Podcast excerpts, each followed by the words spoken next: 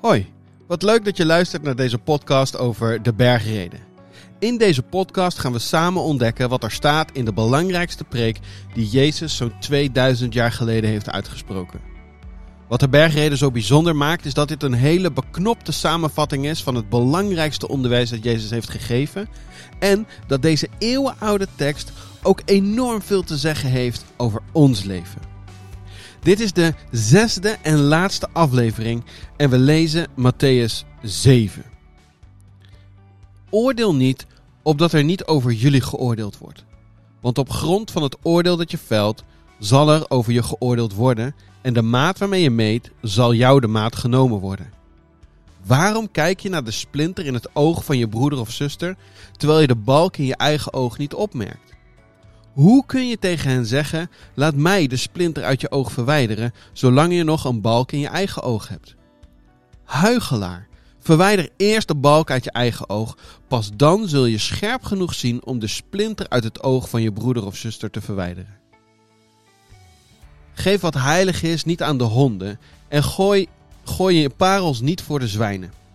Die zouden ze maar met hun poten vertrappen, zich omkeren en jullie verscheuren. Vraag en er zal je gegeven worden. Zoek en je zult vinden.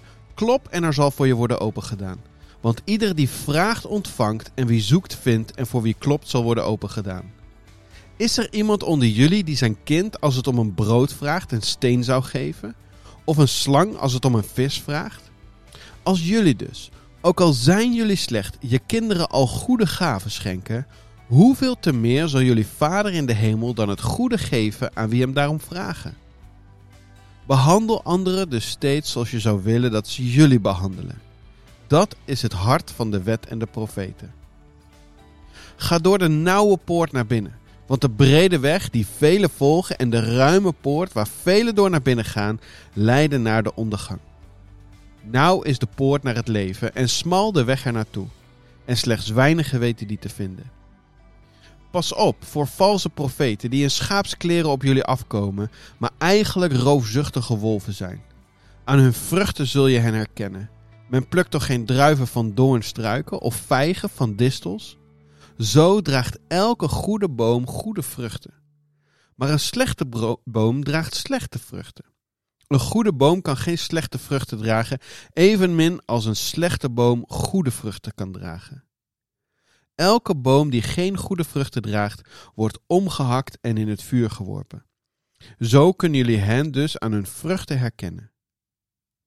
Niet iedereen die Heer, Heer tegen mij zegt, zal het koninkrijk van de hemel binnengaan. Alleen wie handelt naar de wil van mijn hemelse Vader. Op die dag zullen velen tegen mij zeggen: Heer, Heer, hebben wij niet in uw naam geprofiteerd? Hebben we niet in uw naam demonen uitgedreven? Hebben we niet vele wonderen verricht in uw naam? En dan zal ik hun rechtuit zeggen: Ik heb jullie nooit gekend. Weg met jullie wetsverkrachters. Wie deze woorden van mij hoort en ernaar handelt, kan vergeleken worden met een verstandig man die zijn huis bouwde op een rots. Toen het begon te regenen en de bergstromen zwollen en er stormen opstaken en het huis van alle kanten belaagd werd, stortte het niet in, want het was gefundeerd op een rots. En wie deze woorden van mij hoort en er niet naar handelt, kan vergeleken worden met een onnadenkend man die zijn huis bouwde op zand. Toen het begon te regenen en de bergstromen zwollen en er stormen opstaken en er van alle kanten op het huis werd ingebeukt, stortte het in en er bleef alleen een ruïne over. Toen Jezus deze reden had uitgesproken, waren de mensen diep onder de indruk van zijn onderricht. Want hij sprak hen toe als iemand met gezag en niet zoals hun schriftgeleerden. Voordat we ingaan op dit best wel ingewikkelde laatste hoofdstuk van de bergreden denk ik dat het goed is om nog heel even terug te kijken. We hebben het gehad over de verschillende uitspraken van Jezus in de bergreden. En de vorige keer zijn we geëindigd bij de uitspraak van Jezus: zoek eerst het koninkrijk en zijn gerechtigheid. En wat we hebben ontdekt is dat die, dat die woorden eigenlijk slaan op hoofdstuk 5 en hoofdstuk 6 van het Matthäus-evangelie. Hoofdstuk 5, waarin de verbinding vooral tussen mensen benadrukt wordt. En hoe wij ons moeten verhouden tot andere mensen. Dat een, dat een kind van God, een, een inwoner van het koninkrijk van God, dat hij een nederig hart heeft, dat hij een barmhartig hart heeft, dat hij een zuiver hart heeft, dat hij een vredestichter is en dat hij bezig is om vooral gericht te zijn op de ander. Niet stoer en sterk opkomen voor zichzelf, maar juist dienend en nederig de ander op het oog te hebben. En als het gaat over zijn gerechtigheid, dan gaat het vooral over de dingen die we mogen ontdekken in hoofdstuk 6, waarin Jezus spreekt over het geven van geld, het bidden en het vasten. En dat we misschien van nature wel geneigd zijn om dat vooral heel erg te doen, zodat we in aanzien staan bij andere mensen. Maar Jezus heel nadrukkelijk laat merken dat het niet de bedoeling is dat we dat daarvoor doen, maar dat we het doen om ons hart te verbinden met het hart van de Vader. En dat we daarom dat soort dingen het beste in het verborgene kunnen doen. Omdat onze Vader, die in het verborgene is, ook in het verborgene ziet en ons ervoor zal belonen. En dan komen we ineens weer aan in zo'n heftig hoofdstuk, waarin zo ontzettend veel staat.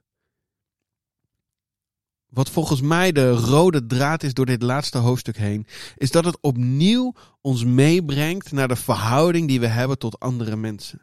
Eigenlijk alle onderdelen van dit hoofdstuk die, die lijken daarnaar te wijzen. Het begin is heel helder als het gaat over de verbinding die we hebben met andere mensen. Daar heeft Jezus het over.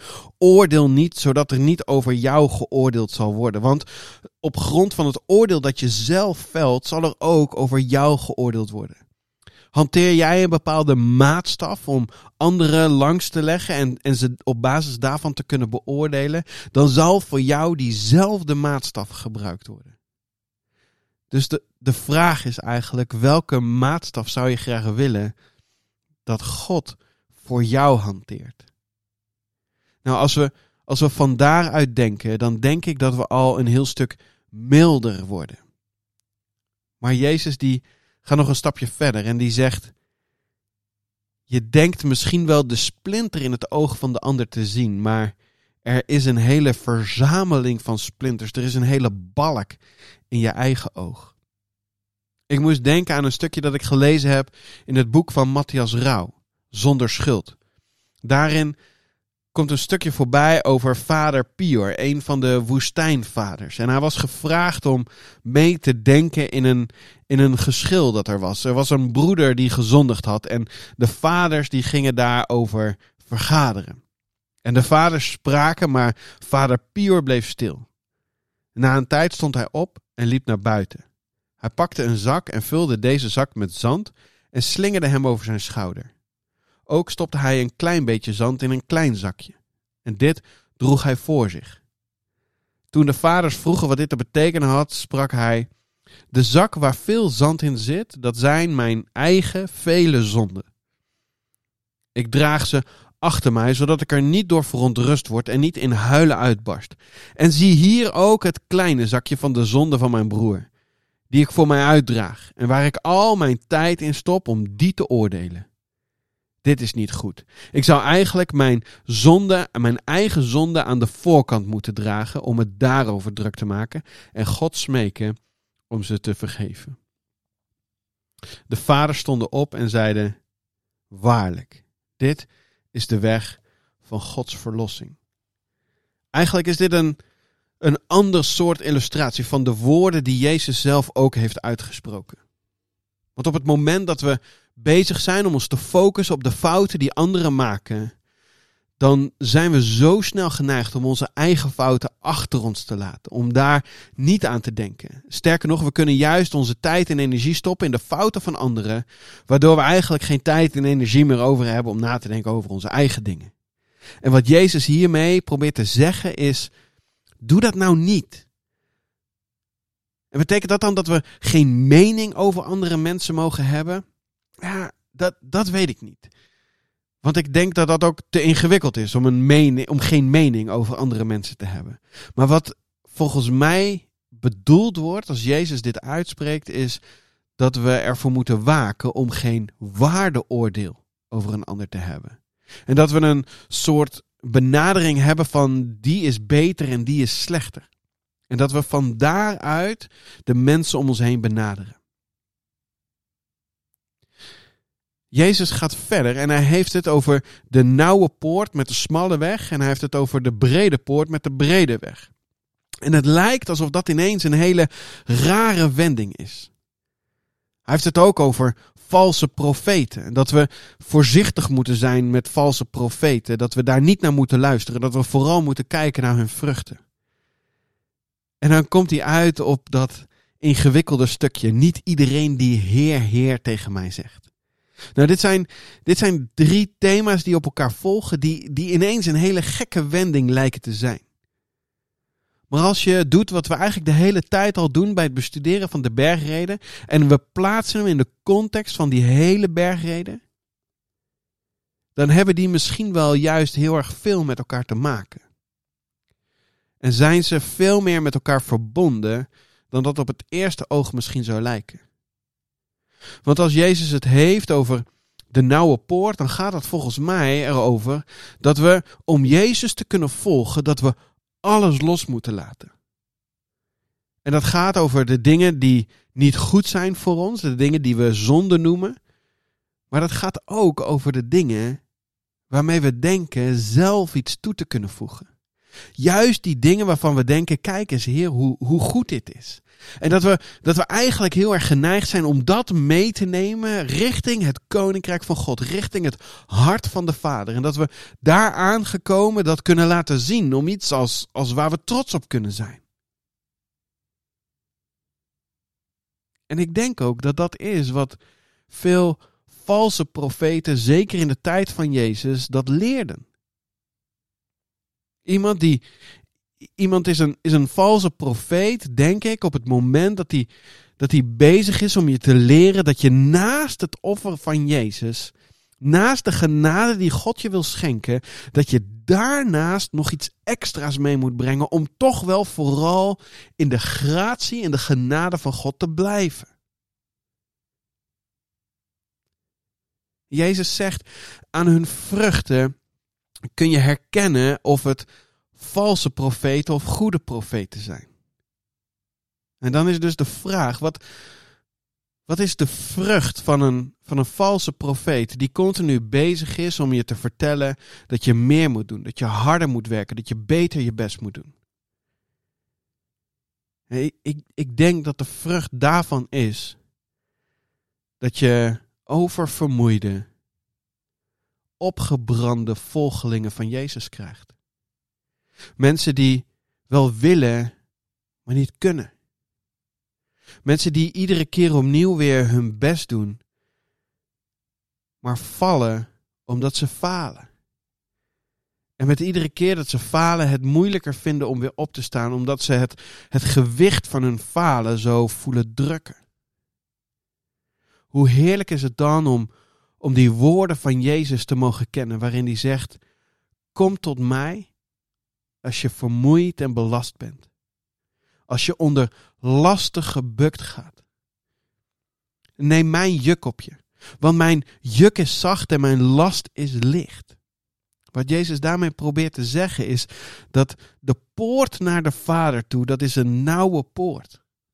Daar kan en mag en hoef je niks meer mee te nemen dan alleen maar gewoon wie jij zelf bent.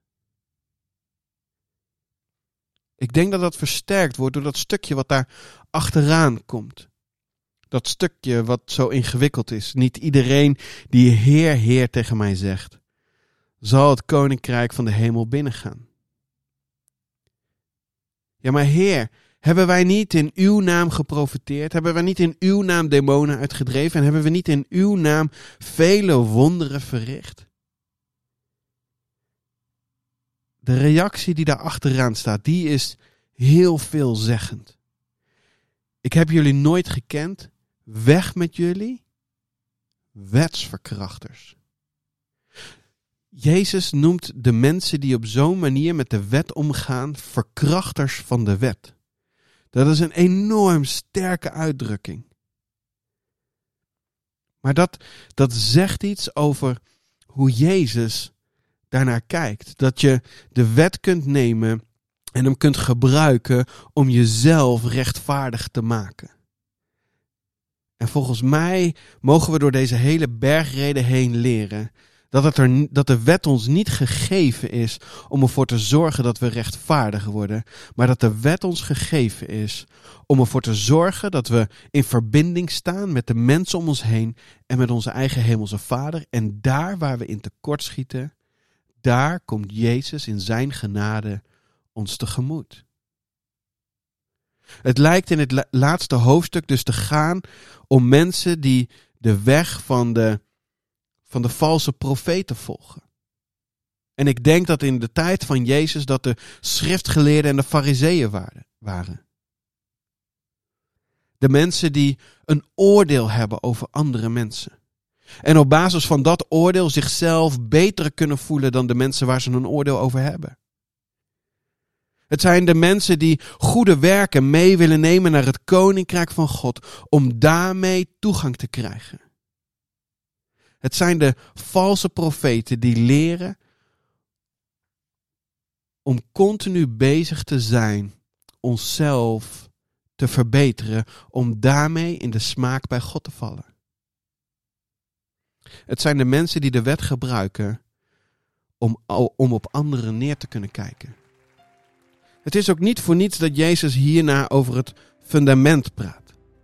Hij mag ons fundament zijn en de dingen die Hij ons geleerd heeft. Als we niet vanuit deze woorden leven, is het moeilijk om staande te blijven.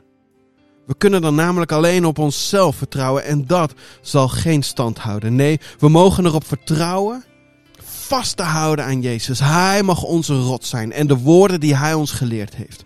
We mogen in verbinding staan met de mensen om ons heen en in verbinding met onze Hemelse Vader.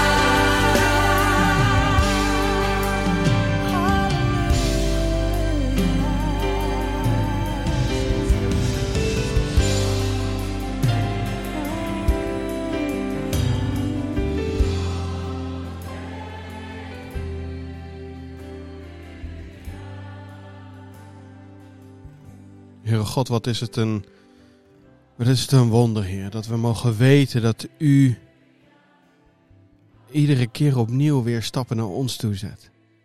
En Heer, wat, wat is het logisch dat U als, als Vader naar ons kijkt, als kinderen.